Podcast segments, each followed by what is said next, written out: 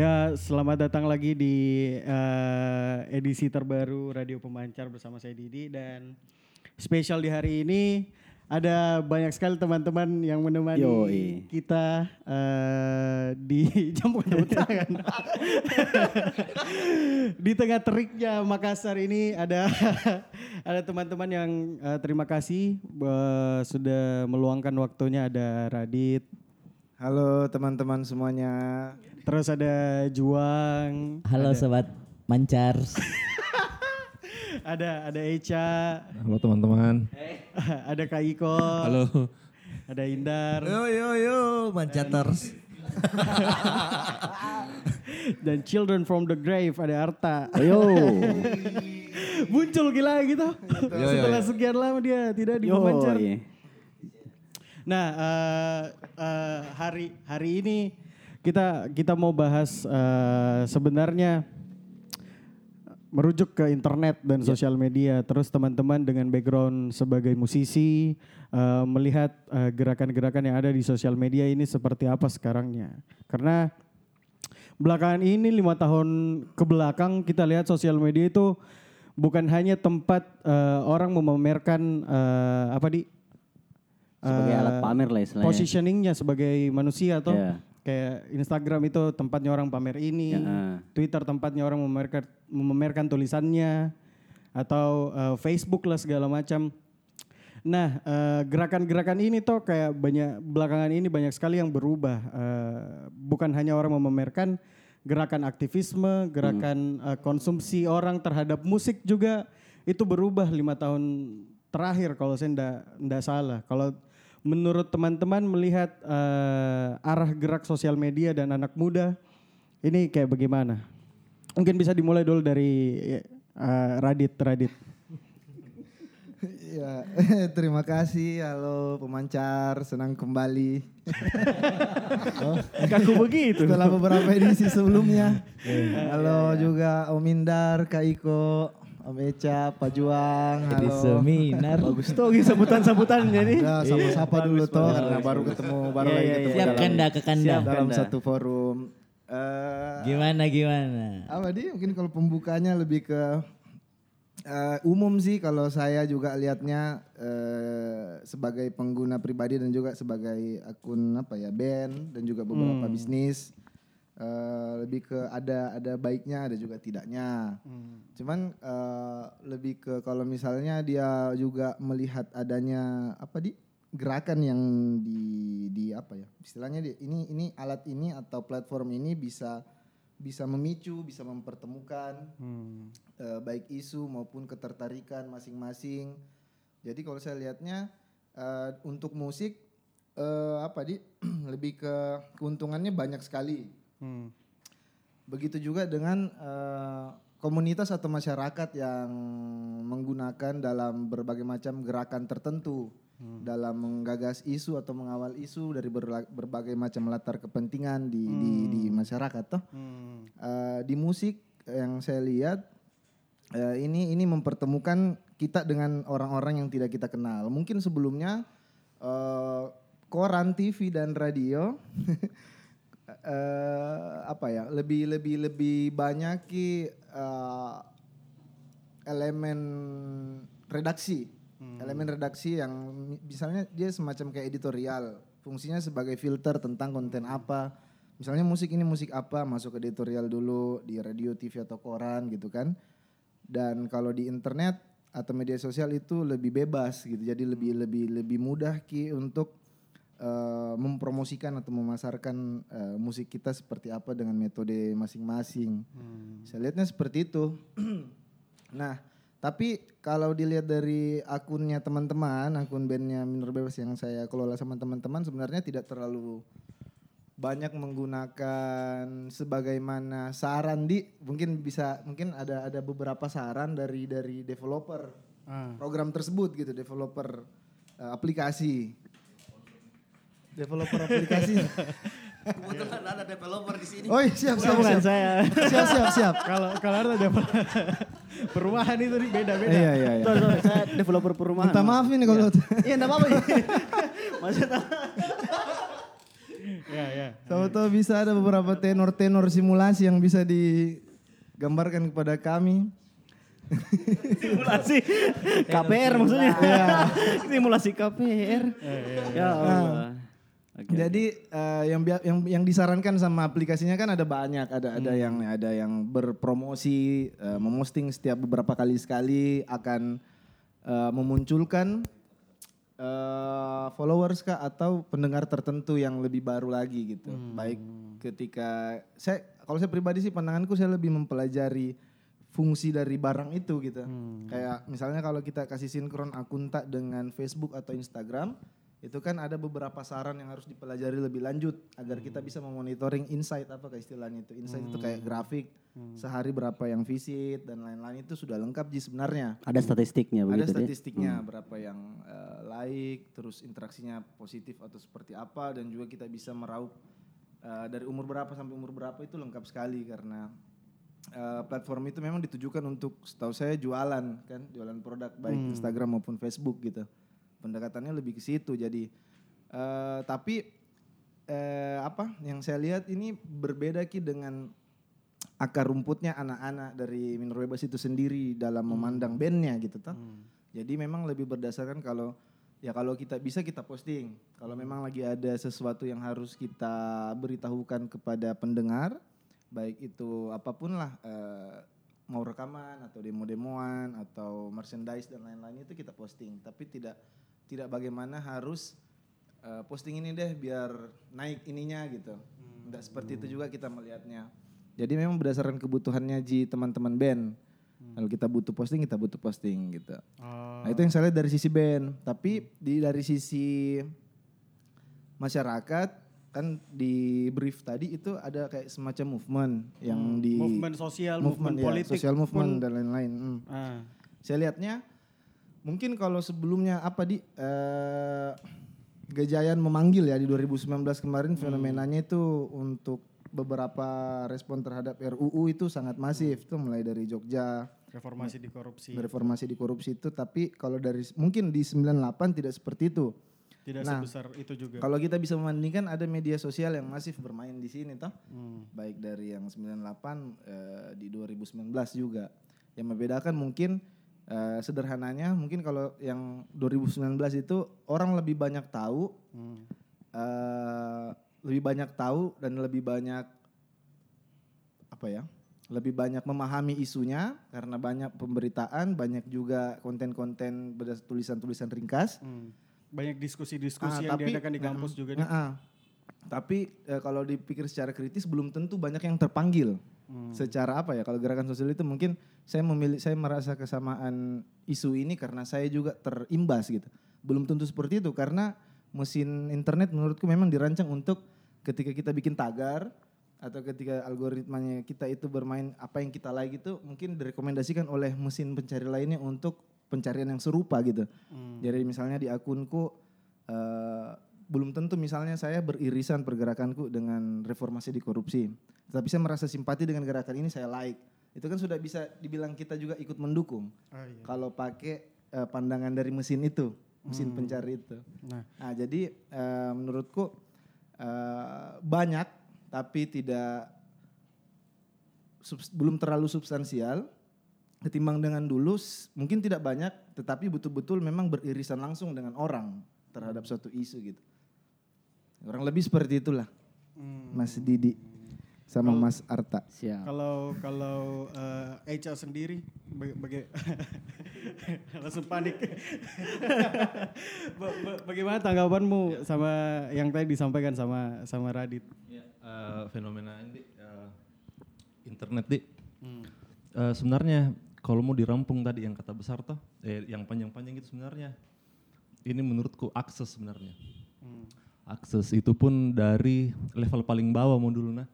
Eh, sebagai pelaku mau saya dulu, sebagai pelaku entah itu dia outputnya dia mau komersil kah atau cuma sebatas hobi. Dari pelaku itu yang paling terasa adalah akses ke katakanlah software. Uh, pun pihak sekali lagi maaf developer ini ini maksudnya developer ini yang pembuat anunya tahu ah, maksudnya. Developer aplikasi. Tolong Radit, Iya. tolong. Ya, entah itu baik native instrumen, baik itu Reason kah, atau Ableton. Sekarang dia kasih akses untuk usernya, misalnya ada patch yang tidak didapat by default, toh, kita bisa uh, download dan ini terbuka untuk uh, siapa saja misalnya. Uh, dengan tanggal misalnya kita tidak punya yang aslinya, terima kasih torrent.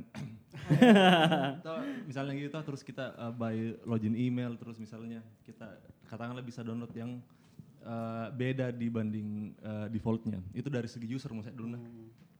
Uh, terus uh, informasi yang tadinya ilmu itu katakanlah merekam, mixing atau mastering itu ilmu sangat kesannya sangat eksklusif sekali. Kita sekarang bisa memiliki akses ikut masterclass kayak atau lihat tutorial di YouTube. Jadi sebenarnya akses dari segi industri juga begitu. Entah kita mau pakai yang di tingkat yang katakanlah eksklusif sekali atau yang katakanlah underground karena eh, terbuka sekali. nih. Maksudnya terbuka itu juga misalnya orang yang tidak mau buat musik ada istilah misalnya kalau sering anu, download yang kayak break a break Iya, iya. ada sam- misalnya mau ambil sampel suara lagunya snare-nya ini Iya, iya. kan ada semua kayak free sound Iya. ada one shot sample yang bisa di download katakanlah kalau kayak 10 atau 20 tahun mana bisa kita dapat eh, kayak begitu kecuali eh, manual direkam ini lagi maksudnya sekarang Iya.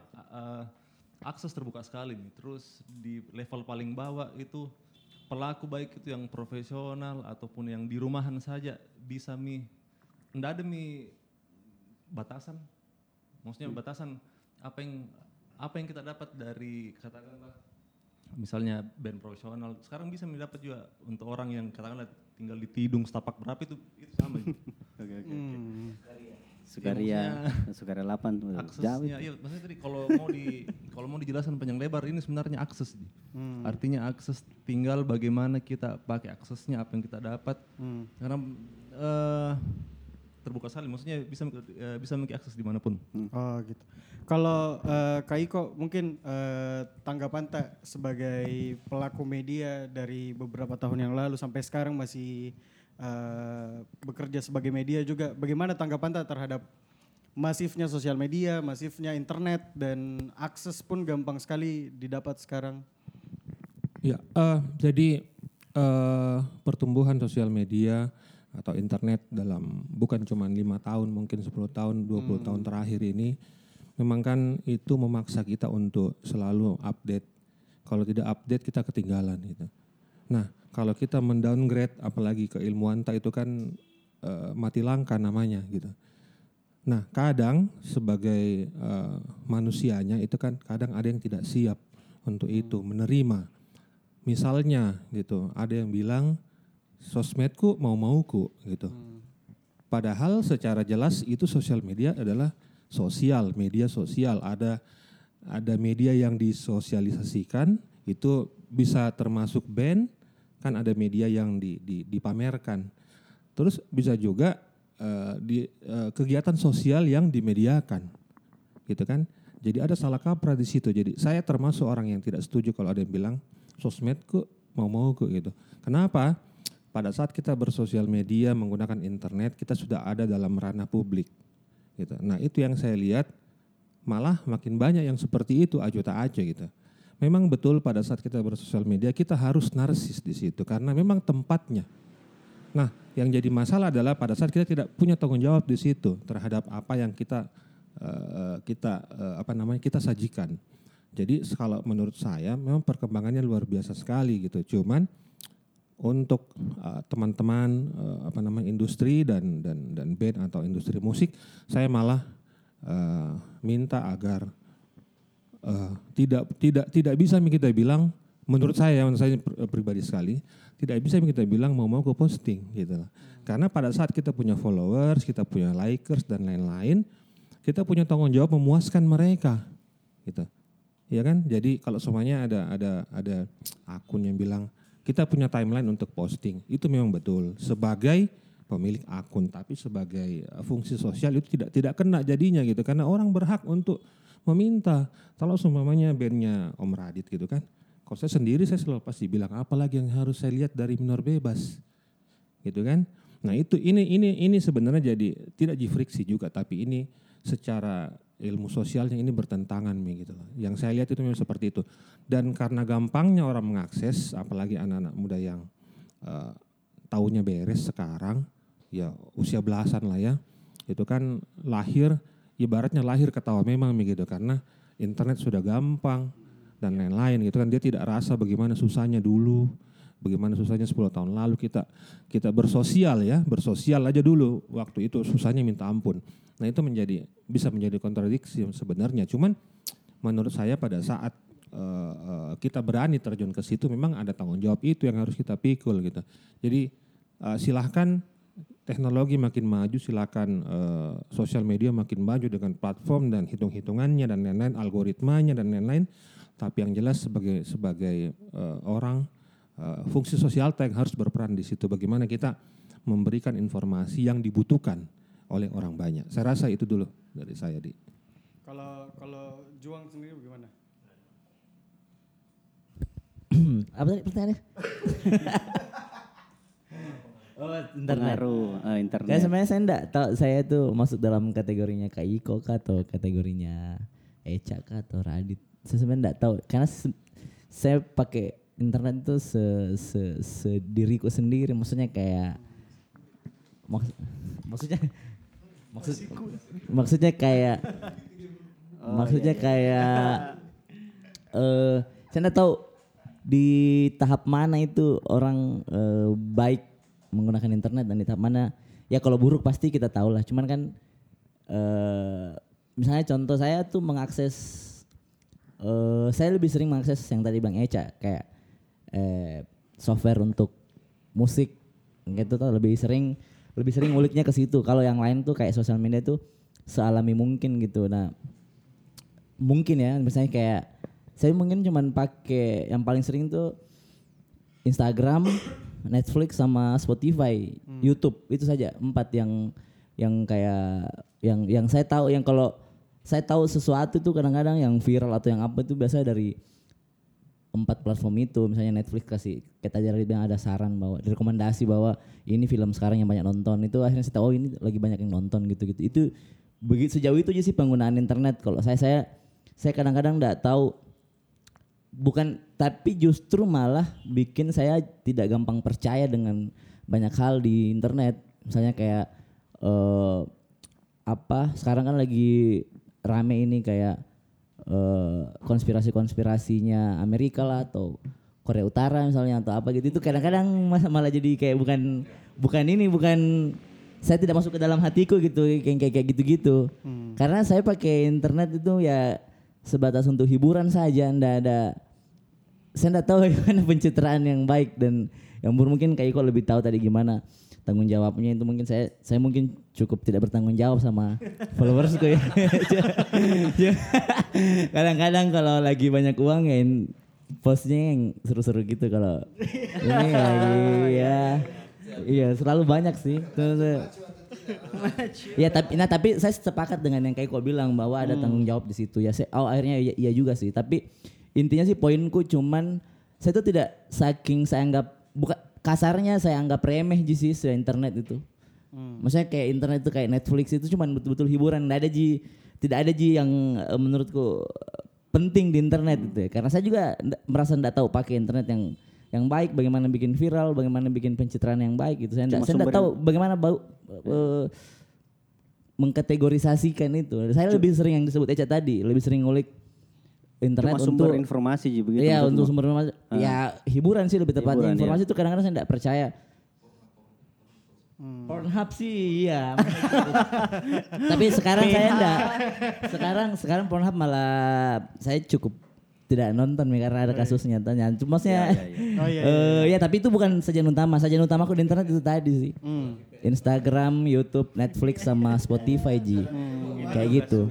Kalau kalau kalau Minder bagaimana tanggapannya soal eh, sosial media apalagi bisa dibilang Frontside ini salah satu band yang base di sosial medianya banyak sekali di. Eh, Nah, oke oke. Ya sebelum ini jadi internet ya perlu kita eh, ketahui adalah internet adalah jendela dunia. Di mana ketika kita mengen- memencet tombol enter itu kan kita sudah bisa akses semua mi semua berita informasi dan kita udah bisa share share eh, informasi yang kita punya juga baik itu apa kita bisa konsum informasi hoax maupun eh, yang realistis bombastis ada semua di dalam Fantastis. Iya. Jadi jadi eh, eh, peran internet sebenarnya kalau di di band atau musisi itu sangat penting di mana dulu itu untuk mencari teman itu kita memakai platform namanya Friendster. Sekarang sekarang sudah banyak sudah banyak. Terus untuk share share musik atau mencari referensi musik itu lewat ada beberapa platform kayak Reverb Nation lah segala macam itu juga itu juga eh, MySpace. Nah itu itu itu itu kita untuk mengakses ke situ juga masih kurang harus per- punya teman yang banyak, harus punya kenalan banyak di luar biar bisa didengar sama orang banyak. Jadi benar-benar sebagai eh, tempat untuk saling share share informasi gitu. loh. Jadi eh, terutama di nah makin ke sini muncullah yang namanya sosial media. Sosial media ini di mana bisa kita saling chatting, saling ngobrol, saling berbalas pesan. Nah, ini ini ini yang penting di sini di mana eh, nyambung lagi apa yang dibahas Kaiko ya bertanggung jawab apa terhadap apa yang kita posting seperti itu. Jadi jadi eh, semuanya bisa kita dapat, bisa kita tahu bahwa oh iya ada informasi ini, ada eh, ada update seperti ini. Jadi memang sangat berfungsi sih untuk eh, band ataupun musisi. Karena eh, sosial media ini ya jadi sarana sharing. Seperti itu. Tapi eh, kita menurut tak melihat penggemar-penggemarnya frontside yang cukup masif juga cukup loyal begitu eh, di terhadap sosial media apakah kita juga pantau ki mereka bagaimana eh, menjadi fanbase atau attitude mereka Kalau sejauh ini sih eh, kalau memantau Hmm. eh, dari request request di DM sih banyak banyak yang meminta sih. Jadi juga jadi masukan juga buat kita kadang kapan manggung bang? Kapan ini kapan ini kapan bikin lagu lagi? Terus sampai kasih referensi bikin yang riff riff begini dong. Nah gitu kita itu sangat sangat membantu sekali di frontside-nya sih jadi memang memang eh, jadi ya itu dia jadi berarti memang frontside informasi. bisa dibilang eh, terbuka kini untuk eh, fanbase-nya sendiri di Iya. internet internet, sosial media, Hmm. apalagi kayak sosial media di Instagram, nah, Facebook. Nah, Hmm. itu Kalau itu manage mungkin ke eh, ke Mindar, eh, maksudnya kayak manage gitu eh, fanbase tak begitu. Apakah sampai ke situ? Misalnya kalau kayak kita kalau di dunia nyata tuh istilahnya kayak kayak eh, eh kumpul di sini nanti pas briefing bukan briefing sih istilahnya kayak cita-cita ngumpul-ngumpul situ kalau di dunia nyata ini. Iya. Nah, kalau di kayak di sosmed begitu kita lakukan itu ndak? Maksudnya kayak kita bikin semacam forum sendiri apakah itu saya nggak tahu makanya saya tanya kini apa kita bikin kayak ada forum di internet atau di Facebook kita bikin satu grup yang di situ bisa sharing-sharing begitu atau memang kita lepas itu di fanbase bilang terserah eh, apa eh, cuma sebagai cukup sebagai sumber inform- informasi saja. ya kalau di internet, di sosial media, di Facebook itu ada grupnya memang. Jadi eh, mereka tuh bebas untuk untuk eh, memposting baik itu postingan dari frontside sendiri ataupun ada referensi ataupun ada ada apa ya bebas terbuka forum mau mau seperti apa ataupun request merchandise desainnya kayak seperti apa ah, bisa bisa seperti itu kadang-kadang terjadi seperti itu Oke. Nah, ya dari semua tadi obrolan yang kita eh, bicarakan ini perkembangannya memang masif sekali. Tapi pola konsumsi musik itu juga semakin jauh berbeda nih apalagi di tengah eh, situasi sekarang sampai kita eh, rekam podcast ini eh, situasinya kita masih terhitung eh, pandemi dan masih masuk ke normal yang baru. Nah konsumsi musik ini semakin berubah. Eh, kita tidak ada lagi live musik, begitu kita nonton streaming, apa lagi segala macam. Nah strategi-strategi untuk teman-teman sendiri yang base-nya sebagai musisi atau juga eh, Kak Iko sebagai eh, event organizer yang menjalankan event-event tersebut. Ini bagaimana teman-teman melihat pola konsumsi musik yang eh, jauh berubah nih sampai sekarang? Ya, kalau Radit dulu. atau atau atau atau eh, Kak Iko dulu sebagai orang yang Iya. Sebagai media dan eh, event organizer yang menjalankan panggung-panggung musik dan dan dan da- dan kita lihat dulu orang eh, akses musik kan harus dapat fisiknya dulu. Bagaimana dapat itu musiknya. Sekarang kan bisa langsung straight ke Spotify straight ke YouTube dan segala macam.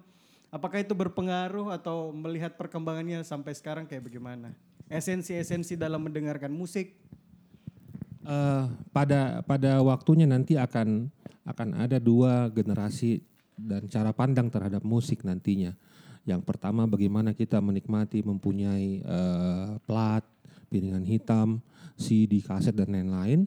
Terus bagian yang di sebelahnya itu adalah bagaimana mereka bangga dengan punya rekaman digital. Nah, kalau kita lihat dari situ saja ini sebenarnya kan ada dua seperti ada dua dunia yang yang berbeda. Ini tidak bisa memang tidak bisa di- disamakan gitu. Karena eh, saya yakin semua kita di sini ada di dalam eh, golongan yang pertama bagaimana kita suka nonton live musik, bagaimana kedekatan kita dengan musisi itu sangat mempengaruhi pola pikir dan lain-lain. Sementara kan sekarang itu karena saking gampangnya, saking gampangnya teknologi eh, lagu yang baru baru eh, mixing saja sudah bocor bisa seperti itu seperti itu jadi eh, itu membuat cara pandang orang-orang yang eh, yang tidak eh, terlibat atau tidak mengetahui prosesnya untuk menjadi satu karya itu melihat musik itu sebagai hal yang biasa. Nantinya akan seperti itu. Nah memang jadinya akan jadi barang mahal tapi itu konsumsinya juga ter- terbatas.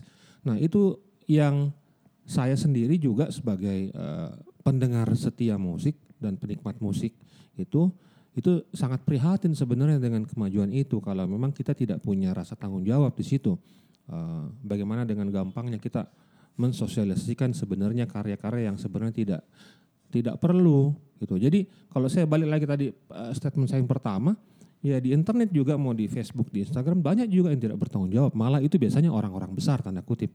Orang-orang terkenal tidak bertanggung jawab terhadap postingannya. Kenapa? Ya karena memang eh, sensasi yang dia cari gitu. Kas status selebriti itu. Itu yang dicari oleh beberapa orang dan itu bikin bikin generasi yang kedua yang tadi yang saya bilang itu makin masif makin besar. Orang-orang itu akan tidak melihat eh, industri musik ini sebagai hal yang luar biasa lagi seperti kita gitu. Itu itu kekhawatiran saya sebenarnya. Jadi bisa dibilang kalau ini terus berlanjut akan ada kiamatnya nanti. Terus terang akan ada begitu karena gampang sekali mi.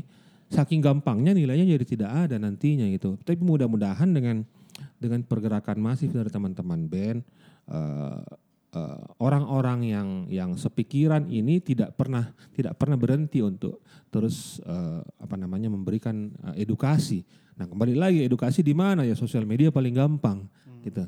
Bagaimana gampangnya orang dipengaruhi dengan akun-akun jutaan followers ya dibodoh-bodohi lah itu kan. Ya makanya saya pernah juga saya pernah posting di sosmed saya tentang uh, TikTok gitu kan. Itu lumayan banyak yang komplain gitu karena mereka pikir apa salahnya TikTok. Saya bilang saya cuma bilang bahwa kurang mendidik itu Ji. Ya kan kurang mendidik Ji menurut saya karena hal-hal yang saya lihat oh begini nih kalau TikTok gitu kan tapi tidak salah juga sebenarnya namanya platform ya. Platform itu kalau kita tidak tidak tidak filter ki buat berita, buat keluarga atau anak-anak di rumah, itu bisa jadi itu bisa menjadi pemicu kiamatnya dekat makin dekat. Kiamat kiamat musik menurut saya itu bisa kejadian Nadi. Gitu. Jadi eh, tanggung jawabnya teman-teman musisi menjadi menjadi eh, apa namanya? penjaganya ini semuanya. Penjaga eh, bahwa musik itu adalah hal yang mahal dan harus dipertahankan. Saya rasa gitu, Di. Kalau anu kayak kok maksudnya tadi saya sempat tertarik sama statement yang yang pertama dia bilang eh, tanggung jawab soal soal ber, eh, berposting lah istilahnya seperti itu. Nah, eh, bagaimana pendapat tak eh, ada beberapa beberapa orang yang saya ikuti juga bukan saya ikuti saya lihat pergerakannya itu dia bilang bahwa internet itu adalah free searching. Maksudnya kau bedanya internet sama TV dan radio adalah eh, kau bisa memilih apa yang ingin kau dengar dan apa yang ingin kau tonton. Beda sama televisi. Televisi dalam artian kita dicekoki itu saja karena itu ji yang kita nonton ada di rumah TV tak dan TV tidak bisa ada eh, kolom pencarian Dan siaran ulang. Ya, cuman siaran ulang, cuman ada ganti channel dan hampir semua channel sama. Nah itu itu kayak kok eh, tertarik kata tadi karena kata-kata tadi itu semua orang harus bertanggung jawab apa yang dia posting.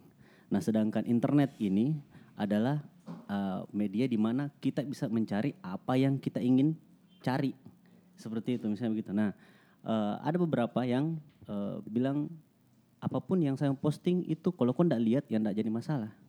Begitu kayak kata maksudnya itu pasti ada beberapa orang seperti itu. Eh, dia bilang musik contohnya saya mau dengar apa yang saya suka.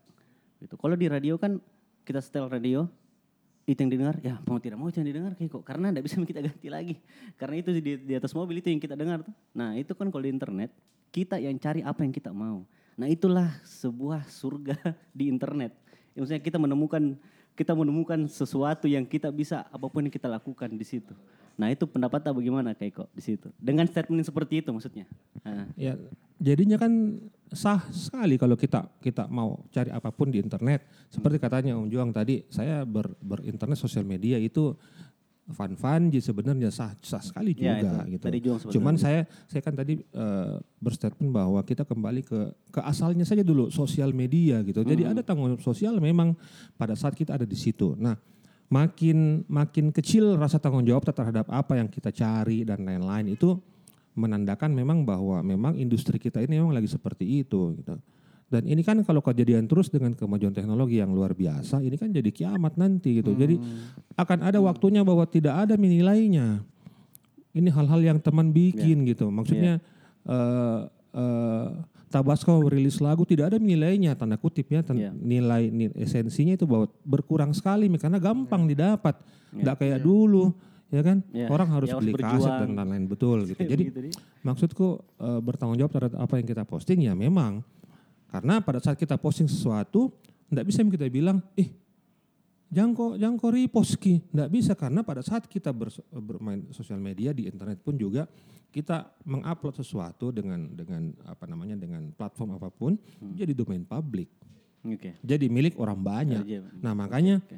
uh, jadi kan kayak MLM Ki, kan dari satu jadi dua jadi empat jadi delapan dan dan seterusnya itu tambah banyak. Jadi apa pun yang saya cari di situ ada. Cuman memang agak susah kalau kita menuntut tanggung Ya, jawab sebenarnya tanggung jawab itu memang dari dalam Ya Ki. itu dia maksudnya Ya tadi. gitu. Maksudnya, eh, ya kan ah, maksudnya gini bilang kalau memang eh, kita lihat postingan jelek ya tinggalkan.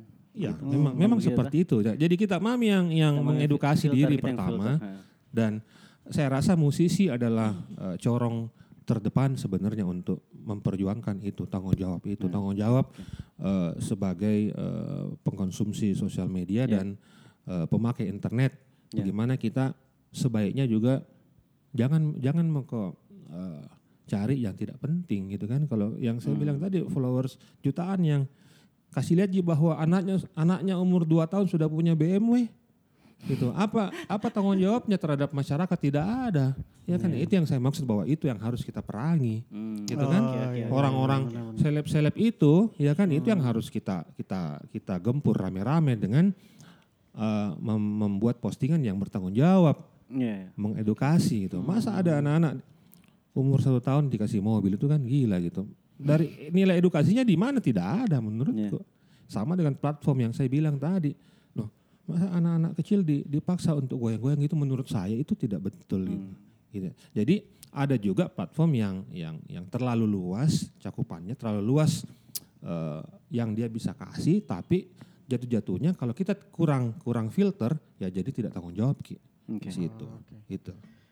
Nah, kalau teman-teman sendiri melihat eh, pola konsumsi musik yang berubah, apalagi eh, jenis musik yang muncul sekarang tuh beragam sekali, banyak sekali pilihan. Kita mau dengar misalnya eh, band seperti Theory of Disgusting, kita tinggal klik di Spotify. Ah, misalnya, misalnya, misalnya Bagaimana nih, Cak, band yang seperti Kemarin sempat sempat dibahas itu, Cak.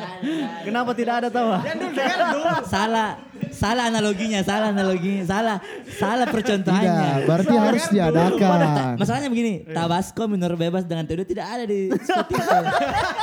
Oh iya betul juga nih. Baru hari ini kita bicara internet. Berarti narasumbernya tepat, Mas. Berarti narasumbernya tepat. Tepat. Berarti narasumbernya tepat kan? Harusnya pertanyaannya first moon. Ah. Nah kita kita ambil contoh misalnya first month tuh, eh, pola konsumsi musik dan musik yang kosong kosong. Masih ada kosong mic satu. Iya boleh boleh boleh ikut Pali. Kebetulan ada. Ya mungkin ada penjualan di Makassar. Wah, oh. Nah, Iya iya iya. ki- kita lanjut lagi. Ya. Ah, Tia lanjut dulu Oh, iya. soal yang tadi pola konsumsi musik, terus eh, musik yang beragam. Misalnya tadi itu. Untuk untuk teman-teman yang Untuk untuk teman-teman yang semuanya. musisi. Dia lagi berupaya bagaimana supaya ramai. Ah, enggak apa-apa. gitu. Mis- misalnya eh, kayak tadi tuh ki- misalnya kita mau cari musik yang seperti First Moon, kita tinggal masuk ke Spotify, eh, go discover Spotify langsung kasih lihat ki, ini loh musisi yang mirip dengan band yang ini. Kau bisa bi- tinggal pilih yang mana kau suka. Nah, eh, dari teman-teman musisi ini, bagaimana pendapatnya tentang hal-hal yang kayak begitu? Hal-hal yang bermunculan sekarang, hal-hal yang terjadi saat ini. Kalau saya kan masih percaya kasih eh, apa saya pengguna Spotify tapi saya juga masih beli plat. Maksudnya kayak musik itu kan pasti eh, perjalanannya panjang ya. Maksudnya ada sejarahnya gitu. Dari era klasik, barok, renaissance, modern, apalah itu. Terus distribusi berkembang. Maksudku sebenarnya untuk menjadi pilihan itu bebas ji. Kayak misalnya ada band kayak TOD yang atau misalnya yang saya koleksi misalnya Tatsuro Yamashita gitu. Eh Beatlesnya Jepang lah. Kayak dia kayak dia memang tidak rilis di Spotify gitu. Nah, itu itu dia labelnya itu membuat artisnya menjadi pilihan lain tuh kayak labelnya label besar tapi eh eh, apa Wan? Apple Records ya? Apple Records. Apple. Records Tatsuro ya itu Apple Records itu tidak mau tidak semua bandnya di, diriliskan digital. Nah maksudku di masa depan itu pasti akan ada ji begitu.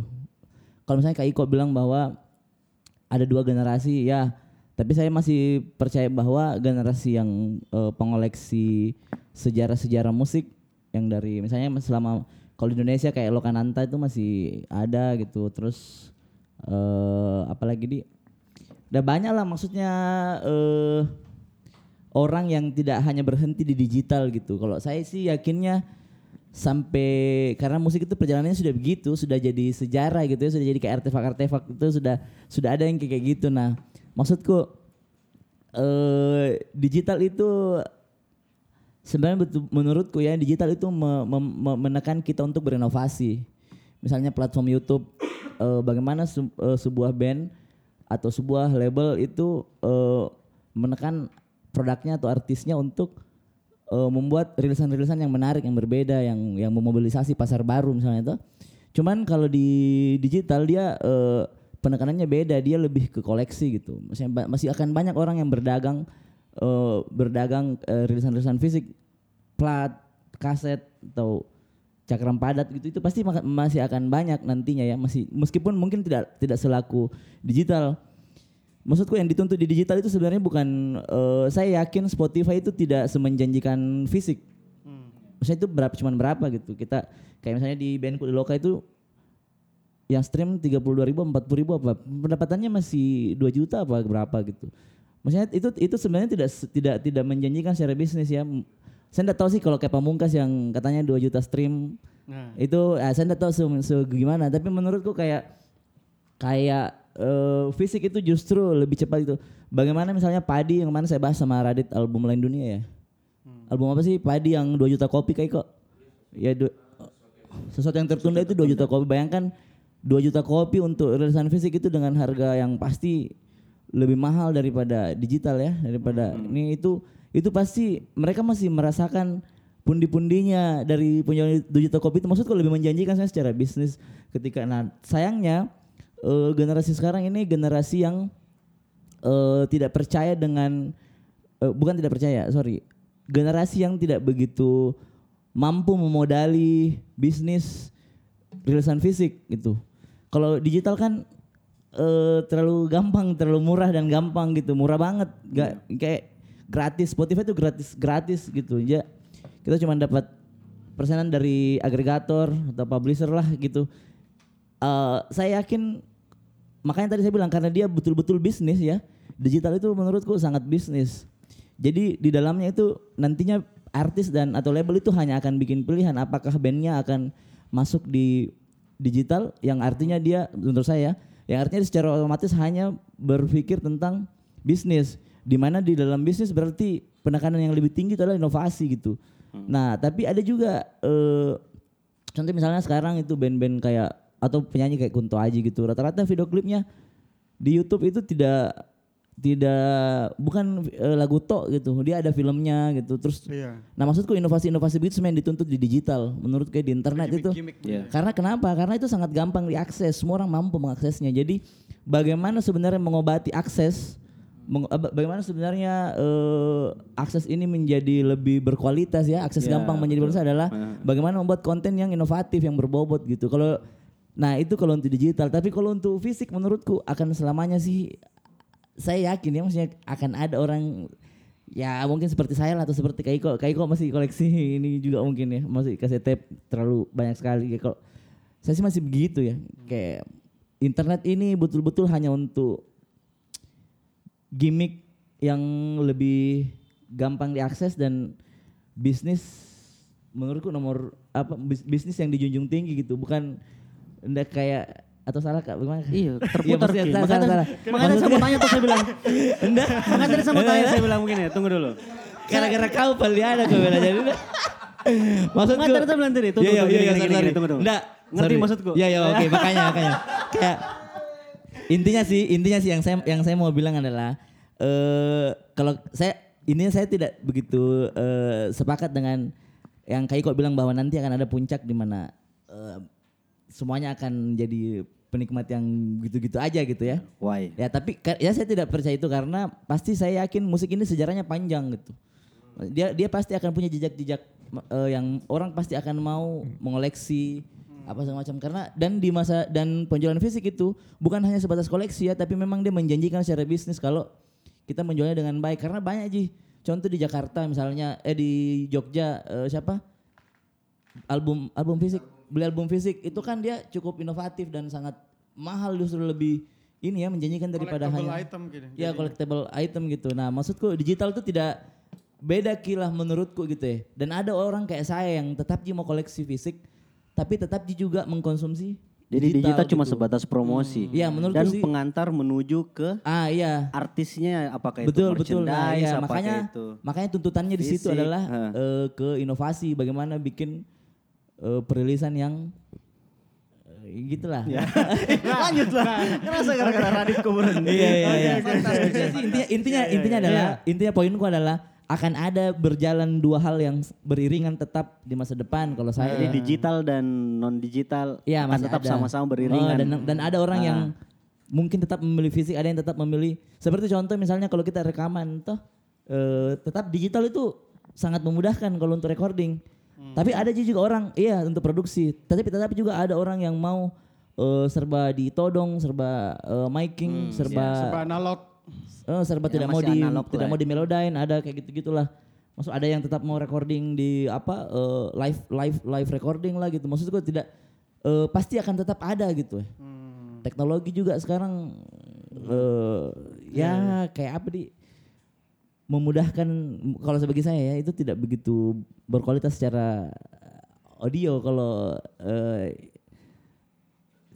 ringan lah ringan lah rasanya gitu. Ada beberapa instrumen yang menurutku ringan kayak misalnya kalau di saya ya misalnya kayak drum gitu. Iya. Hmm. menurutku drum itu kalau sepenuhnya eh, apa MIDI tuh menurutku tidak begitu ini. Makanya kalau kadang-kadang produksi saya pakai dua-duanya.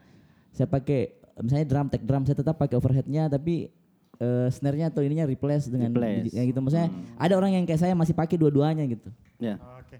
Nah sebelum kita masuk ke teman-teman yang tidak merilis lagunya ke Spotify, kita dengar dulu. kita dengar dulu Dulu, tanggapannya Om. Indar ini. Bagaimana Om Indar dengan eh, pola konsumsi musik sekarang melihat eh, frontside juga eh, punya fanbase yang loyal. Baga- bagaimana? Eh, Indar dulu Indar. Sebelum teman-teman yang belum merilis lagunya di Spotify. nah, kita juga mau tanya itu kenapa? Oh iya. Oh, iya. Jadi pola kalau sekarang pola konsumsi musik di media platform sih sekarang ya semua orang punya gadget yang bisa mengakses ke mana saja. Jadi begitu mereka pencet enter yang seperti saya bilang tadi mereka sudah bisa mengakses siapa pun itu bandnya. Kalau lebih personal sendiri ke frontside bagaimana? Kalau frontside apanya nih? Eh, Eh, eh, apa eh, pola konsumsi musiknya eh, teman-teman yang mendengarkan frontside terus bagaimana frontside melihat eh, teman-teman yang mengkonsumsi musik frontside itu bagaimana? Oh kalau untuk di digital ya kalau kita lihat pergerakannya di YouTube kah atau di Spotify ya pasti tetap ada aja yang mendengarkan ataupun ada yang mengkonsumsi. Terutama juga ya seperti saya bilang tadi ya bagaimana sekarang itu PR-nya adalah membangun trustnya orang untuk menjual rilisan fisik. Karena kita juga berawal sebelum rilis ke digital platform itu di fisik. Ya, Jadi memang tujuannya sih memang pengen menjual ya kamu Fisik. ya fisik. Tapi gitu. apa perbedaannya yang kita dapatkan waktu awal-awal kita dengan eh, jual fisik terus eh, sekarang-sekarang dibantu dengan penjualan streaming? Ya perbedaannya sekarang ya karena orang lebih banyak mempunyai handphone daripada CD player Hmm. itu. Jadi jadi jadi itu jadi tantangannya di situ Eh, baik itu ya bagaimana ya. Jadi tantangannya bagaimana kita tetap tumbuhkan trust bahwa ya frontside kau punya rilisan fisiknya yuk kau proud gitu. Ah, oke. Heeh. Kau, kau pasti bangga karena ya saya punya rilisan fisiknya yang dibangun yang dikemas baik-baik sama band ya. Hmm. Seperti itu. Jadi ya kalau cuman melihat secara internet ya kau ndak akan rasa, kau ndak akan sentuh itu barangnya. Ada artefaknya di Iya, kau ndak sentuh barangnya. Kan enak. liriknya begitu. Kan enak sesuatu yang disentuh-sentuh kan enak. Dielus-elus. Nah, enak. kalau teman-teman sendiri kayak Tabasco, Theory of Disgusting sama Minor Bebas, yang sampai yang sampai sekarang, kau juga tak? Iya, yang kau sampai sekarang tidak rilis eh, karyamu di Spotify. Itu baga- bagaimana? Sedangkan ini semua orang sekarang konsumsi musiknya itu digital gitu. Ya. Begini, kalau saya tuh Ya, dari pertama kan ada, kali, tapi- Hmm, ya dari pertama kali Spotify bisa untuk kita upload sendiri tuh, Hmm. itu ancang-ancang ancang-ancangku sudah ada. Hmm. Nah, kemudian ya mungkin karena terlewat waktu pertama. Kemudian waktu itu biaya untuk mengupload itu cukup besar menurutku. Karena dulu kan kita DIY, dalam artian kita upload sendiri pakai duit sendiri. Hmm. Tidak ada ki yang backup ki. Maksudnya kita kontak sendiri. Nah itu berpikir kak berpikir berpikir sampai terlewat. Jadi masalahku iya. Jadi gini denger dulu. Ya, Tunggu dulu. Agregator, eh, agregator. Iya iya. Ah, jadi oh dengar dulu belum selesai. belum selesai. Sebenarnya gini. Ini Nana sebelum Marta gitu kayak dia bilang terlewat. Saya yang saya lewat dari dari, dari saya baru sadar dari Om Minar tadi bicara. Akhirnya saya pikir Iya. satu lagi yang sebenarnya di digital itu untuk pelaku ya. Ah. Untuk itu sebenarnya eh, kita tidak capek-capek lagi tanya eh, distributor misalnya itu kayak album tak misalnya lagi ada di dijual di apa di musik bus misalnya kita mesti tanya tiap bulan apa segala macam itu kan agak ribet kalau di Spotify ini eh, Langsung masuk sendiri datanya. gitu nah, terus bisa dibagi lagi kayak Bahkan data pendengarnya juga ada di. iya dari mana nah kayak kayak gitu ada ada ada. Nah, Nah, begitu. ya. bagaimana? Maksudnya begini, itu hari kan waktu Spotify pertama-pertama itu kan kita enggak tahu, saya enggak tahu sama sekali Iya, ini betul. barang. tuh. Saya cuma tahu dia ada semacam eh, iTunes. Wah, Ada? iTunes. Nah, jadi maksudku saya tidak tahu bagaimana caranya sampai akhirnya pas ditahu terlewat. Ya, enggak apa-apa. Nah, enggak apa-apa. Nah, nah, begitu. Pertama itu. Ke toh? Ah, skip. Kedua, kedua di, di di kepalaku ini adalah Spotify itu adalah platform untuk yang sesuatu yang update. Nah, sedangkan punya aku ini kan sudah lewat, maksudnya sudah lama. Nah, itu saya enggak tahu bilang ternyata yang ya enggak dulu itu dulu dulu. Itu saya dulu gaptek sekali Kak sama Spotify gaptek sekali. Saya enggak tahu apa itu. Saya cuma tahu saya cuma dengar musik dari situ. Dan saya pikir harus pilih label besar baru kau bisa masuk di Spotify. Dulu dulu seperti itu. Dan jadi enggak pertama enggak enggak kayak enggak pede ya enggak, enggak pede enggak juga sih. Maksudnya pede aja. Cuman maksudnya saya pikir ada sesuatu yang eh, harus kulakukan eh, eh, lebih lebih lebih banyak untuk bisa lagu masuk di situ. Jadi berpikir begini, Spotify itu ber- saya berpikir seperti label. Maksudnya harus ke sana, harus kirim ini, kirim banyak sekali anunya baru bisa masuk. Itu bikin malas. Itu. Tapi justru pro, apa? Tuh. eh, project solomu sendiri kalau nulis di di Spotify. Iya, karena pas saya tanya bilang bisa ke masuk, bisa lah. Suandi tuh. Orang dalam, ada orang dalam. The power of. Saya nggak tahu itu sampai ketika waktu saya rilis singleku sendiri, single apa rilis eh, rilis eh, proyekanku sendiri. Eh, Cosmic Love itu. Saya baru tahu Cosmic Love itu bisa ternyata masuk Spotify sendiri. Nggak perlu album, single Ji. Top ya. Itu Ji, sampai Juang tanya bilang, "Kenapa dong di Spotify?" Boh, malu-malu ku tanya bilang, "Nggak doangku." Ya ya ya ya. Nah, Ada masalah juga. Begitu. Berarti- Maksudku tuh, Nah. nah, itu nggak doangku dulu Pak. Bah, ada bikin album saya anjir hampir habis Jangan 10 bilang juta. kok. nah, Kayak begitu. Mungkin Ya, eh, sudahlah. nah, kalau kalau Eca dan Radit bagaimana case-nya? Kalau Arta tadi kan kema itu persoalan itu di Ya, kalau kalau Eca bagaimana? Yang dari pendengar mau dulu. Iya, boleh boleh boleh. Ah, Kalau yang pendengar kan maksudnya yang top rate-nya kan sekarang kayak Spotify itu. Eh, cuman eh, bukan cuman satu-satunya jalan sebenarnya tuh karena masih banyak sedangkan kalau kayak di luar juga misalnya masih banyak aja ada tetap yang radio misalnya kayak radio online tuh karena eh, ada juga beber- beberapa banyak orang yang bosan dengan pil- eh, algoritmanya Spotify. Karena kan ada tiga tuh ada ada manusia, ada manusia dengan mesin, ada mesin tok. Maksudku Spotify kan kayak begitu algoritmanya. Ada yang manusia tok dulu yang buat, misalnya kayak di Indonesia kayak di Mas Arya tuh, maksudnya dia buat dulu. Terus nanti ada eh, manusia dengan mesin, sudah itu mesin tok. Jadi itu yang kita dengar Spotify itu itu yang misalnya kita play random atau yang kita mendengar kan dari sistem itu semua. Karena habis ikut webinar Spotify kemarin. ya bisa bisa bisa bisa.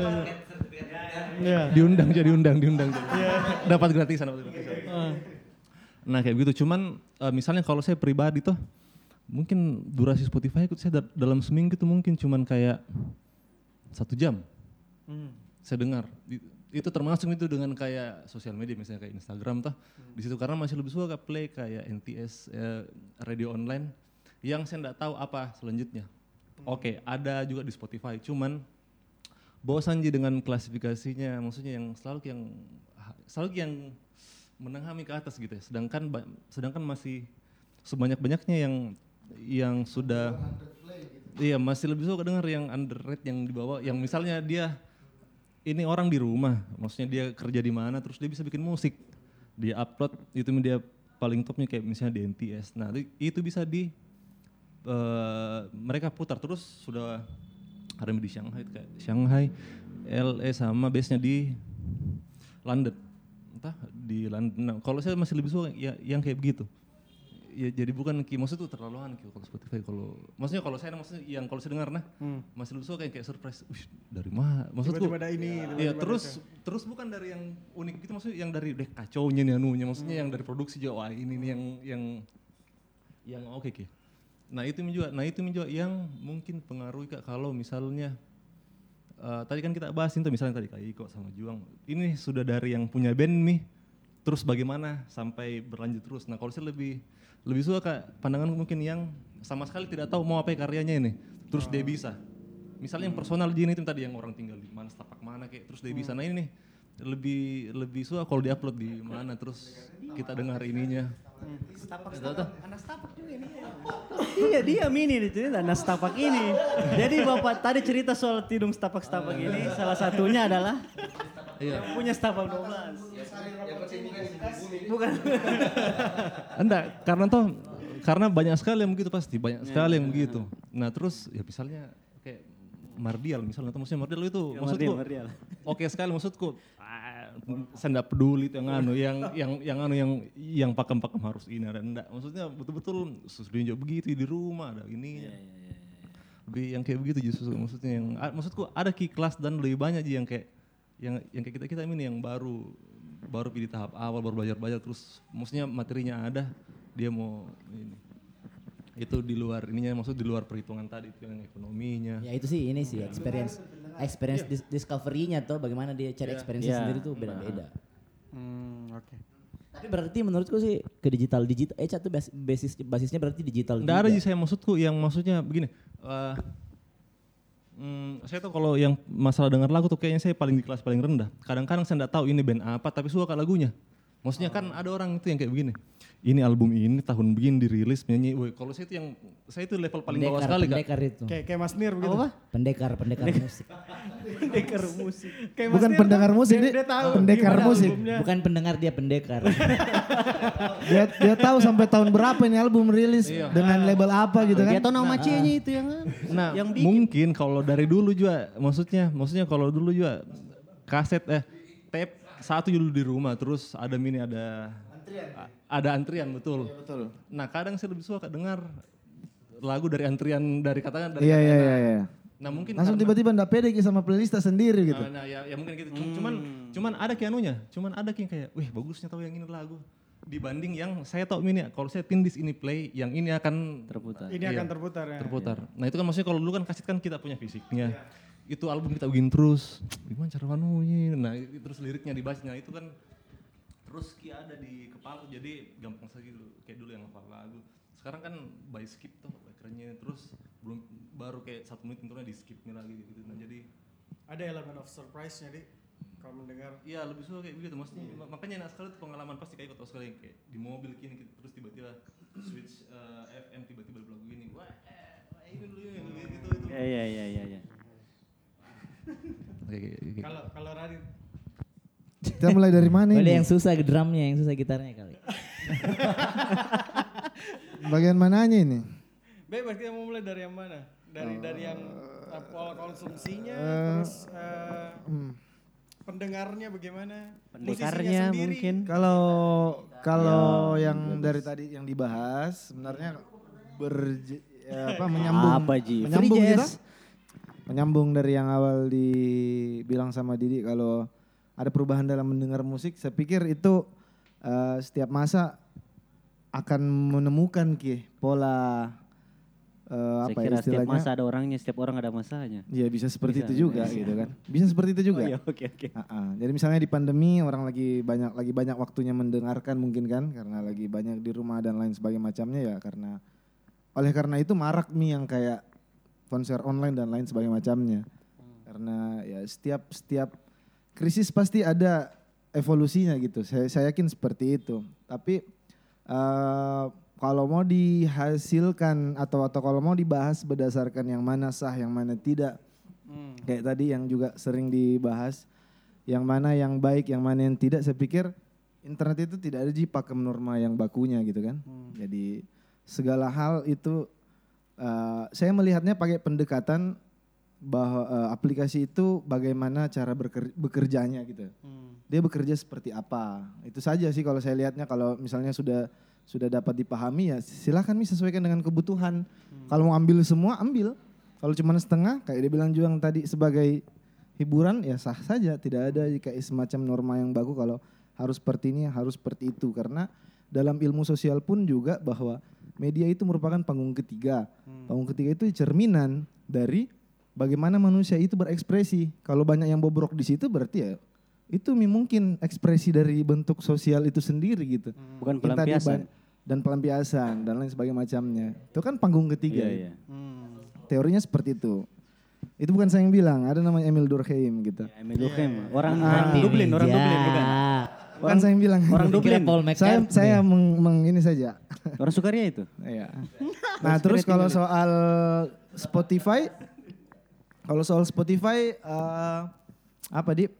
Sebenarnya eh, tidak ap- dari pengalaman band dengan pihak label sebelumnya yang tidak ketemu. Tidak dalam artian bahwa eh, ada pembagian kerjasamanya yang ketika album minor bebas ke Spotify, Spotify.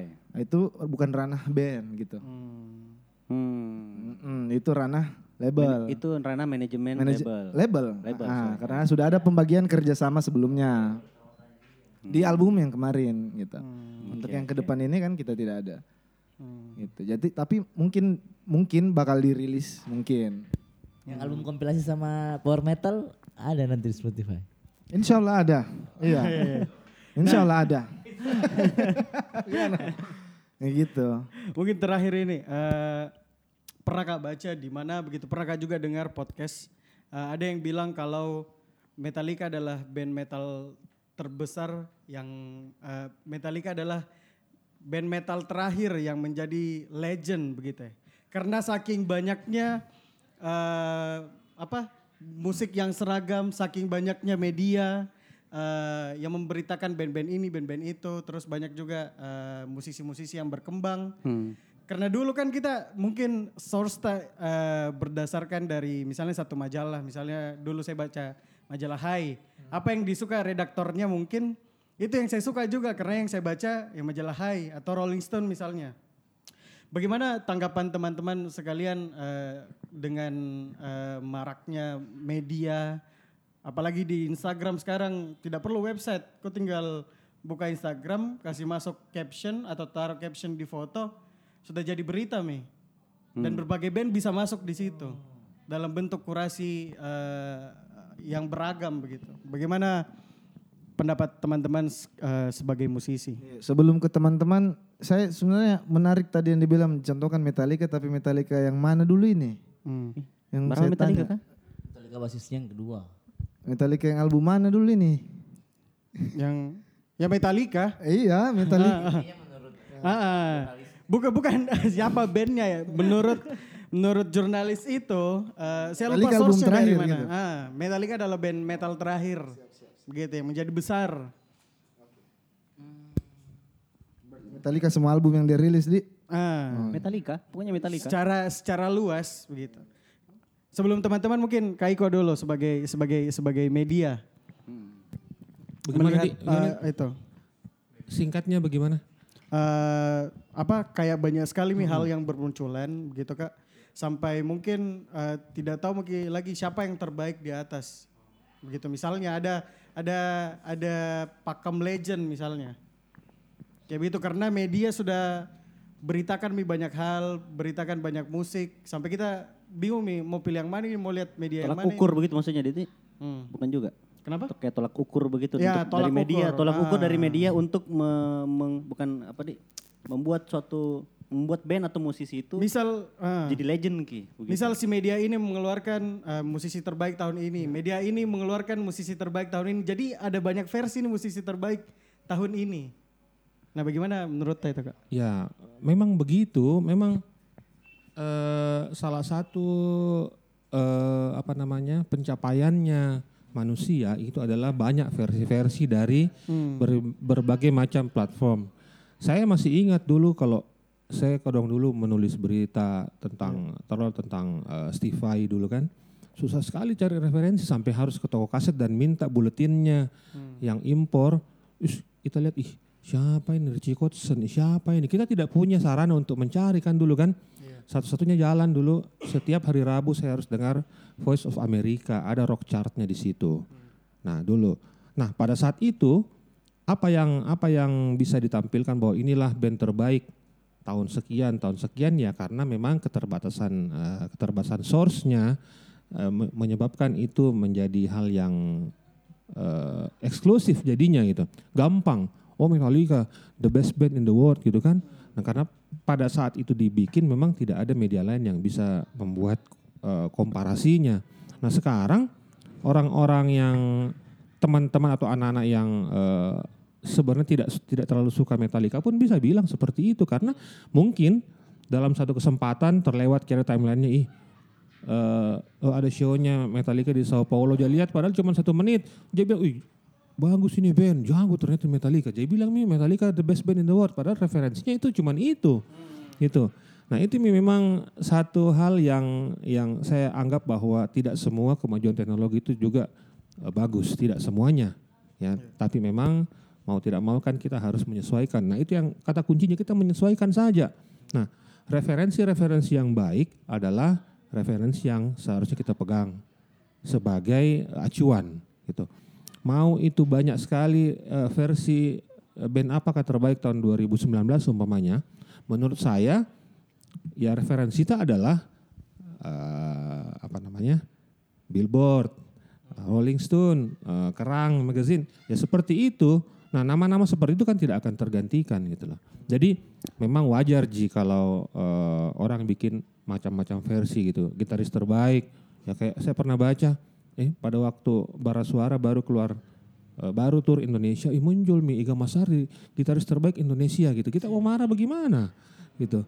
Ad- Ada ada media yang ulas sih gitu. Jadi memang itu sangat personal sekali. Sama aja tadi Didi bilang, eh karena banyak yang menulis, banyak yang bereferensi, muncullah banyak sekali versi gitu. Nah, memang tidak bisa dilawan kalau seperti itu. Kita kita maklumi saja gitu. Tapi tetap saja bahwa eh, kita punya masing-masing pakem dalam derita bahwa yang saya percaya ini. Saya juga seperti itu sampai sekarang gitu. Banyak sekali belum email-email yang masuk, belum ini dan lain-lain. Yang setiap hari harus saya lihat dan oh ini eh, coba dengar kini lagu gitu. Ini dari mana juga ini, tapi oh bagus tahu gitu. Jadi kalau saya pribadi materi-materi yang saya dengar tiap hari itu saya tidak mau tahu dulu dari mana bandnya apa namanya supaya eh fair menilai bahwa oh bagus ini versiku juga dulu bagus gitu kan belum tentu orang lain bisa belum tentu orang bilang bagus eh, eh, tergantung lagi seleranya dan lain-lain gitu. Jadi teman-teman di sini punya punya referensi dan punya pendapat beda-beda itu itu sebenarnya yang bikin bikin eh, kita punya industri maju gitu. Selama maksudnya eh, eh, seperti yang pertama saya bilang ya apa yang kita lakukan itu kita bisa pertanggungjawabkan gitu. Bahwa kita bisa menjawab kalau orang tanya kenapa kita bilang begini? Kenapa kita bilang Metallica band terbaik? Oh karena begini. Eh, masalah alasan-alasannya itu personal sekali ya memang begini mi. Begini teknologi begini dunia sekarang. Tidak bisa kita lawan gitu. Maksudnya kita kita tinggal kita tinggal bikin standar tak? Oh, saya percaya kalau ini. Gitu kan? Nah begitu mungkin yang yang paling ini buat saya Kalau teman-teman sendiri bagaimana tanggapannya? Mungkin dari eh, Radit dulu, Radit. Ya Minumlah dulu, minum, minum. apa ya? Eh, kalau saya eh, sedari kapan ya?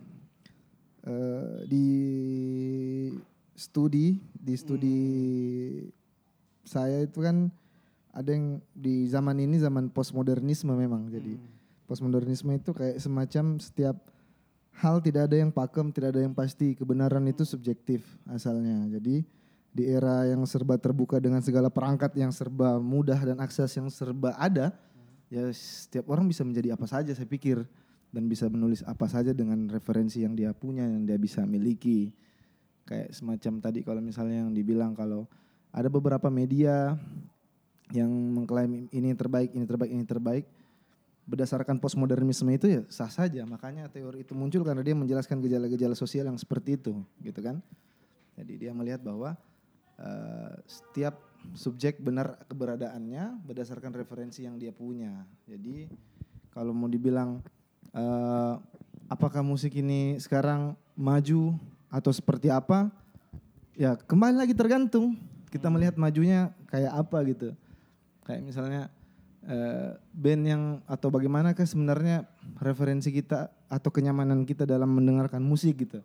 Apakah harus pakai mini kompo, CD player, piringan hitam, sah-sah saja gitu lakukan pendek itu kan pendekatan masing-masing dalam menikmati karya musik atau membaca berita-berita musik yang mana yang dia suka. Ada eh, majalah-majalah apa redaksi redaksi redaksi redaksional yang mana yang dia yang dia suka gitu Eh, di beberapa yang apa ya di Indonesia kemarin ini yang saya lihat ada Rolling Stone Indonesia yang sudah Harus tutup.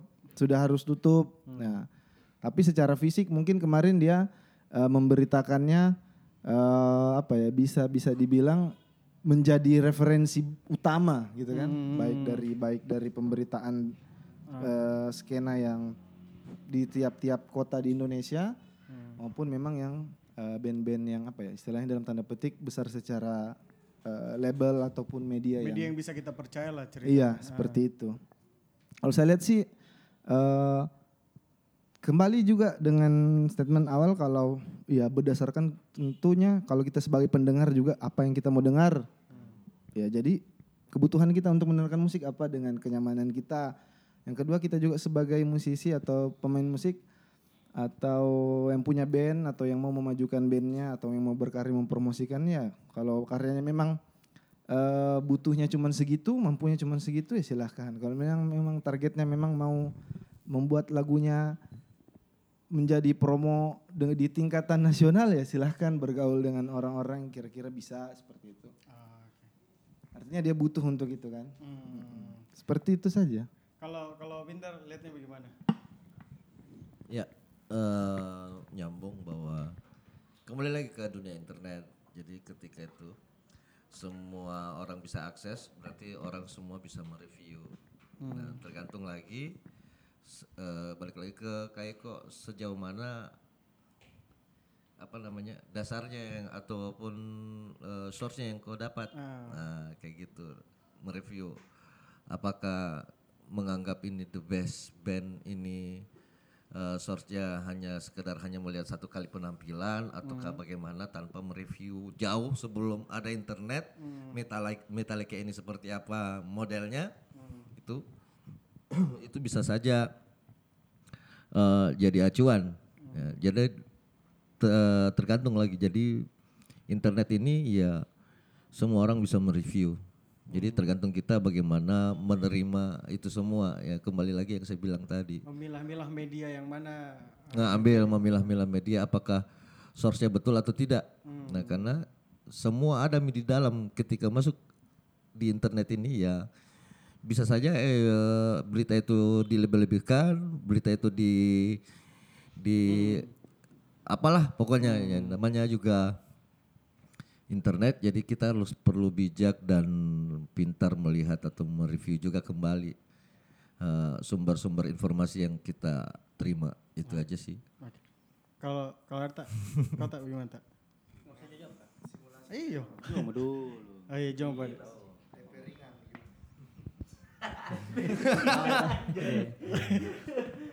Ah, ah. Apa tadi? Gini, ini Pak. Apa ya? Iya. Kan. Ada juga. Apa tadi kak? Lihat banyak media yang bermunculan. Banyak me banyak Oh sekali. iya, media. iya. jadi kayak semester teman-teman itu itulah tadi kenapa saya tidak begitu ini ya, misalnya santai aja sih dengan internet tuh kayak Iya. kayak misalnya eh apa? Sa- saya sepakat juga dengan yang Kak Iko bilang, sepakat juga dengan cara berpikirku sendiri bahwa apa yang ada di media itu sebenarnya hal-hal yang mungkin saya sih orang yang cukup ini ya untuk kayak hidup tuh terlalu nggak rumit lah. Maksudnya kayak ya kalau kalau misalnya di Lebanon itu ada gitu-gitu saya tuh tidak tidak orang bukan orang yang kayak terlalu apa mau ikut dalam kampanye yang ini ya gitu. Enggak enggak, enggak semua hal yang lagi rame gitu lagi jadi tagar gitu saya saya saya ikutin gitu maksudnya saya, saya- viral gitu Iya, ya semua yang viral gitu tuh ya. kayak ular di Masamba misalnya. Nah, itu. ya kan. itu kan tahu Nah, mas ya, itu Didi selalu Gimana, bilang. Didi, gimana? Didi, Didi selalu bilang. Saya tahu, iya, ya, iya, saya tahu. bagaimana? Eh, Enggak, enggak, enggak. Tidak, saya tahu. Saya tahu semua karena saya saya Ya. saya menghabiskan waktuku sebenarnya memang banyak di internet, tapi jadi kayak semua semua saya- kasih panjang nih. Enggak, enggak.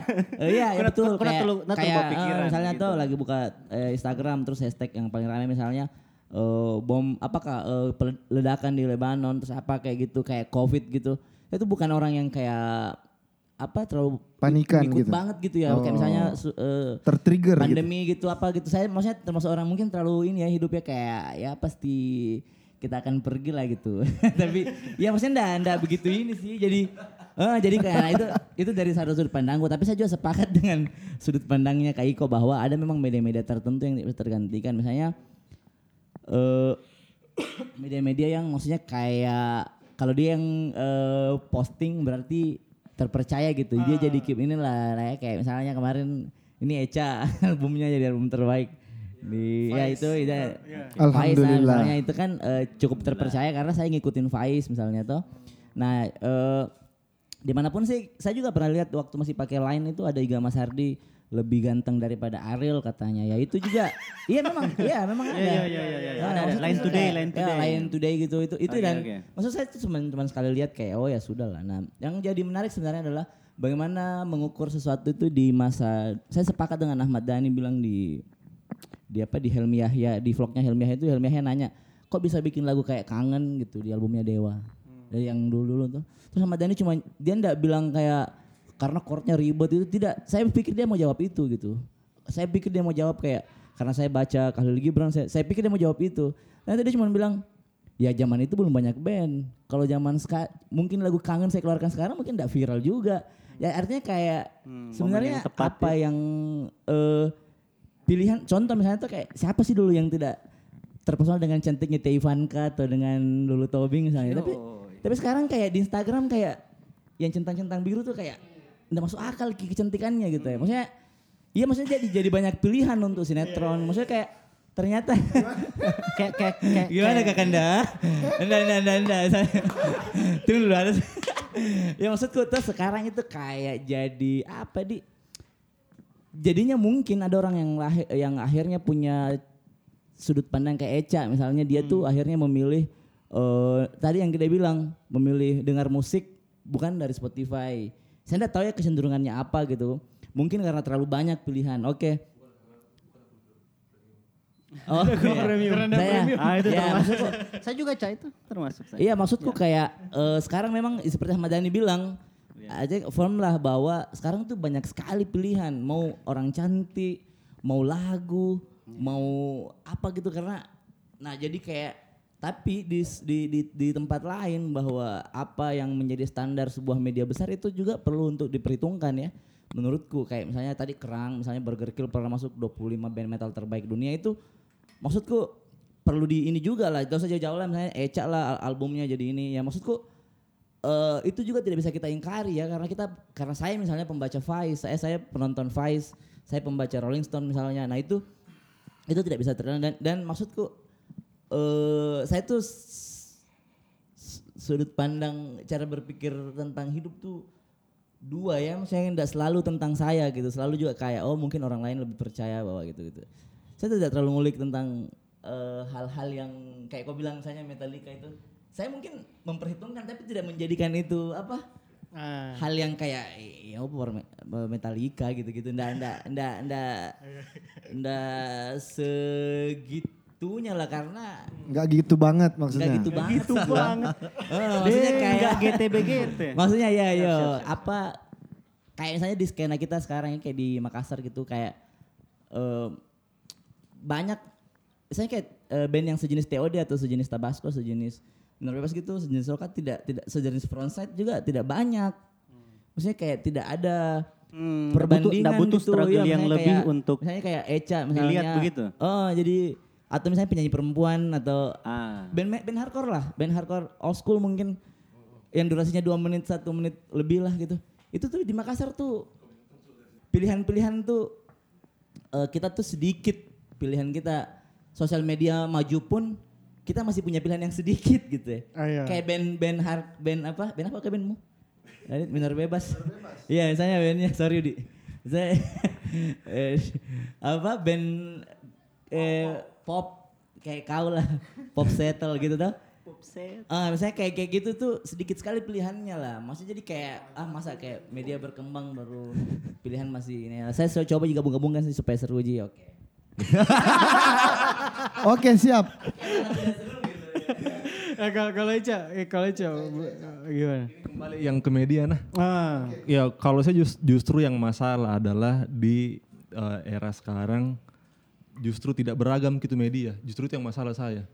Sedangkan eh, begini, dari tadi kan kita terus eh, permasalahkan tentang apa yang kita eh, publish toh ya menjadi milik eh, public domain kita. Maksudnya jangan sampai kita juga ini sebagai ketika satu orang publish kita juga ini sebagai user justru kita yang anu. Arti yang kayak tetangga yang beli kompor kita yang kepanasan. Maksudnya maksudnya justrunya maksudnya dari tadi kita bilang ini era informasi justru begini kalau orang maksudnya kalau ada pun beberapa uh, postingan atau ini gimana ya sudah maksudnya terima saja. Yang baik dihindari yang bagus diikuti. Cuman ya karena justru yang masalah justru kalau pandangan media tidak beragam ki. Justru kalau ketika dia beragam yang ini yang, versinya band terbaik ini ini lain justru itu justru malah semakin bagus anda ada ki, maksudnya kesannya yang menguasai semuanya gitu. Artinya bebas ki, maksudnya semua orang mau main di tingkat level mana. Iya, maksudnya, maksudnya, maksudnya begini. Jangan sampai kita cuman percaya satu me- satu sumber. Media, satu sumber. Oke. Tapi tapi kalau kau lihat eh, kemarin eh, ketika TOD di review sebagai band terbaik di tahun 2019 nih. Ya, Nah, bagaimana tanggapanmu dengan yang kalau kalau misalnya anak anak di TOD itu sel- selalu kayak begini. Itu adalah akibat dari maksudnya akibat dari se- sebab yang kita maksudnya yang yang baik itu produksinya, maksudnya capek-capek latihannya. Kayak gitu. Maksudnya akibat ya oke, maksudnya di diapresiasi terus yang pada tahun itu 2019 dipilih terus 2020 kira dikira beritanya lain lagi terus yang keluar cuman itu lagi jadi anu sih. Oh iya, 18, maaf, maaf, maaf. maaf, maaf, maaf, maaf, maaf, maaf, maaf, maaf. Iya, Oh iya iya. iya. Nata, kalau kau gimana tak? Nah itu tadi menjawab sebenarnya, Eh, menjawab dari statementnya Juang yang bilang eh, kangen, nah, ya mungkin tidak apa-apa, kangen menjadi viral waktu berapa puluh tahun yang lalu karena dia belum banyak band. Sekarang masih banyak band. Toh TOD jadi the best device. Maksudnya berapa band di seluruh Indonesia ini? Masih banyak sekali mungkin, mungkin yang bisa mereka li- lirik. Tapi jatuh-jatuhnya Eca dengan TOD-nya yang jadi the best. Itu artinya tidak ada pengaruhnya media viral apa pun itu. Kalau memang orang bilang sana suka itu, ndak suka. Karena masing-masing media punya kekuatannya sendiri. Maksudnya Punya proses mm, kurasi yang eh, berbeda. Maksudnya mereka punya Orang yang- agenda setting nah, sendiri. Orang yang kurasi pun, cak seperti itu. Iya, betul. Maksudnya apa pun, eh, begini, internet itu terhambur semua pilihan. Bahkan band yang tidak rilis di Spotify pun bisa jadi band terbaik di tahun 2019. Karena serjuta band pun di- dipaparkan di depannya, misalnya kuratornya Vice, toh dia dengar semuanya. Terus tiba-tiba dia bilang, saya cuma saya suka ini deh, TOD misalnya begitu. Itu artinya membuktikan bahwa eh, kita, maksudnya apa ini, eh, tidak ternyata tidak tidak se struggle saya juga begitu tidak se struggle yang saya pikirkan bilang wih banyak Benny ini bisa kita didengar ini ada aja ada yang mau dengar ki. Ternyata tuh ada aja ada yang suka ada yang suka tabasco gitu ya. Maksudku ada yang sampai datang ada orang tuh nggak tahu ini betul ini true story dia datang ke eh, itu hari tabasco main tuh dia sudah di Bandung. Dia bila-bila datang ke sini pas-pas lagi libur terus dia jadwalkan pas-pas dengan jadwalnya Tabasco untuk nonton Tabasco. Ketemu saya di backstage. Bilang kak kita ingat ya? Yang waktu 10 tahun yang lalu ketemu gini dan sama si dengar sekarang sama teman-temanku. Dia saya bilang ini ternyata ada aja begini maksudku itu. iya tuh dan itu saya pikir umur hidupku itu ndak akan dapat seperti itu. Yang kan ada band cerita iyo ada penggemarku dari Australia tiba-tiba datang ke Indonesia ini ketemu sama saya. Kan bisa kan dengar-dengar ke begitu tuh band-band yang ya- di atas atas atau yang sudah-sudah. Bilang deh kerennya kalau ada penggemar begitu deh dan ternyata itu terjadi sama saya walaupun itu ya orang yang mungkin sudah lama dengar tapi dia bela datang posting ketemu. Nah itu membuktikan bahwa mau seviral apa pun ini internet kita ada kita ada tempat di di satu spot begitu kita Iya. kita kita punya tempat di spot. Jadi ada, ada, ada. pesannya bukan pesan sebenarnya ini kayak lebih ke eh, semakin menyenangkan ki struggle-nya ini di internet. Semakin banyak band semakin menyenangkan ki Semakin baik media juga. Sebanyak, semakin banyak media semakin menyenangkan. Dalam artian band Tabasco tuh masuk chart contoh chat. Tiba-tiba ada lagi yang masuk. Terus tiba-tiba Tabasco paling bawah sekali. Menye- itu jadi justru jadi menyenangkan. Weh, maksudnya semakin rame ini maksudnya lebih banyak ki hal-hal yang bisa saya bikin ayo tuh tunggu saya bikin video klip paling bagus saya paling atas nanti Gitu, contoh seperti itu tuh itu maksudnya Iya, iya. Saya iya. beli mie rumah tadi. salah satu yang Hei, pala ke prospek. dari ini barang begitu semua begitu. ya. Laku, laku. Empat unit langsung. Itu, itu, itu teman- media ah. itu media sudah semua saya jawab itu media eh, user kemudian eh, pengaruh sebagai musisi saya dan sebagai pendengar itu saya jawab semua minta tadi itu Ya. Oke, mungkin ada teman-teman yang mau tambahkan.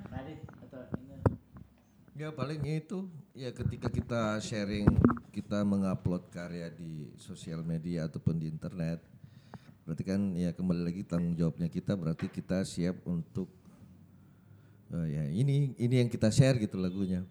Nah gimana sih? Nah ketika ke depannya mungkin umpamanya lagu front saya tiba-tiba masuk di TikTok gitu. Ada kayaknya kemarin saya lihat Iya kan?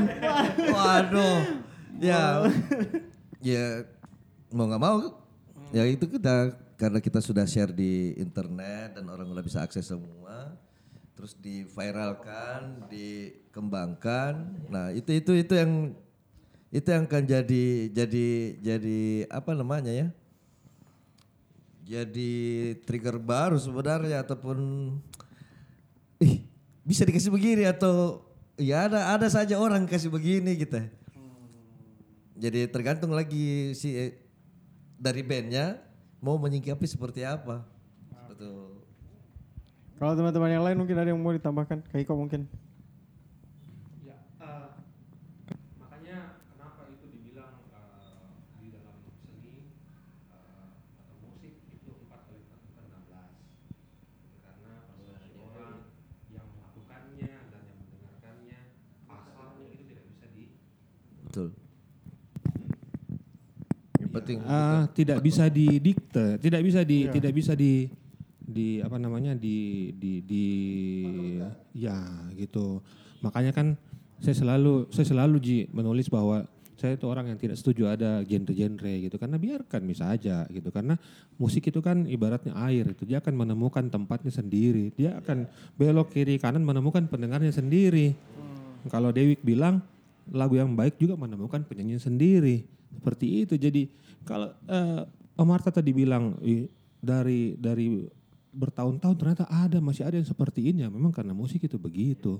Makanya ini bilang ini ini mungkin eh, profesi yang tidak di- tidak du- eh, tidak ada duanya di dunia. Bagaimana khasnya uniknya dan lain- lain-lain ini tetap menjadi tetap menjadi hal yang unik. Kalau Om Juang tadi bilang eh, musik itu kan ya sejarah. Ya memang musik adalah sejarah untuk dirinya sendiri itu tidak tidak bisa dikotak-kotakan tidak bisa di dikalkulasi tidak bisa diprediksi dan lain-lain. Tinggal kita eh, termasuk saya juga mencari referensi yang menurut saya juga bisa dipertanggungjawabkan. Bisa banyak orang bisa membuat referensi-referensi bisa bikin tulisan-tulisan tapi bagaimana besarnya itu bagaimana pengaruhnya itu. Kalau sekelas Billboard atau Rolling Stone kan tidak gampang juga berada di di posisi itu menjadi hal yang kalau dia kasih keluar orang percaya mi gitu ini lagu bagus yang orang bilang tidak karena nama besarnya itu yang tulis bisa bisa jadi bagus itu barang gitu nah itu kan tidak tidak tidak satu dua tahun gitu makanya memang penting sekali dan memang kita harus sadari bahwa eh, apa yang teman-teman lakukan ini memang eh, tidak ada duanya juga lah. Ini yang harus kita sama-sama jaga. Saya rasa begitu. mungkin. Ya. Kalau teman-teman yang lain mungkin? Oke. By the way, terima kasih buat waktunya teman-teman. Eh sama-sama. Kasih Siap, sudah siap. ngumpul-ngumpul di sini. Siap Mas Nirwan. Ada dan terima kasih juga yang mungkin mendengarkan sampai di Makasih. akhir ini. Eh, kurang lebih ada satu 120 satu setengah jam lah. 120 menit. Terima kasih 120 buat menit. Pali juga. Makasih Pali. Makasih Pali. You're the man. Oke, jangan lupa eh, ikuti terus program pemancar di Instagram dan juga YouTube. Terima kasih. Sampai jumpa. See ya. Hey.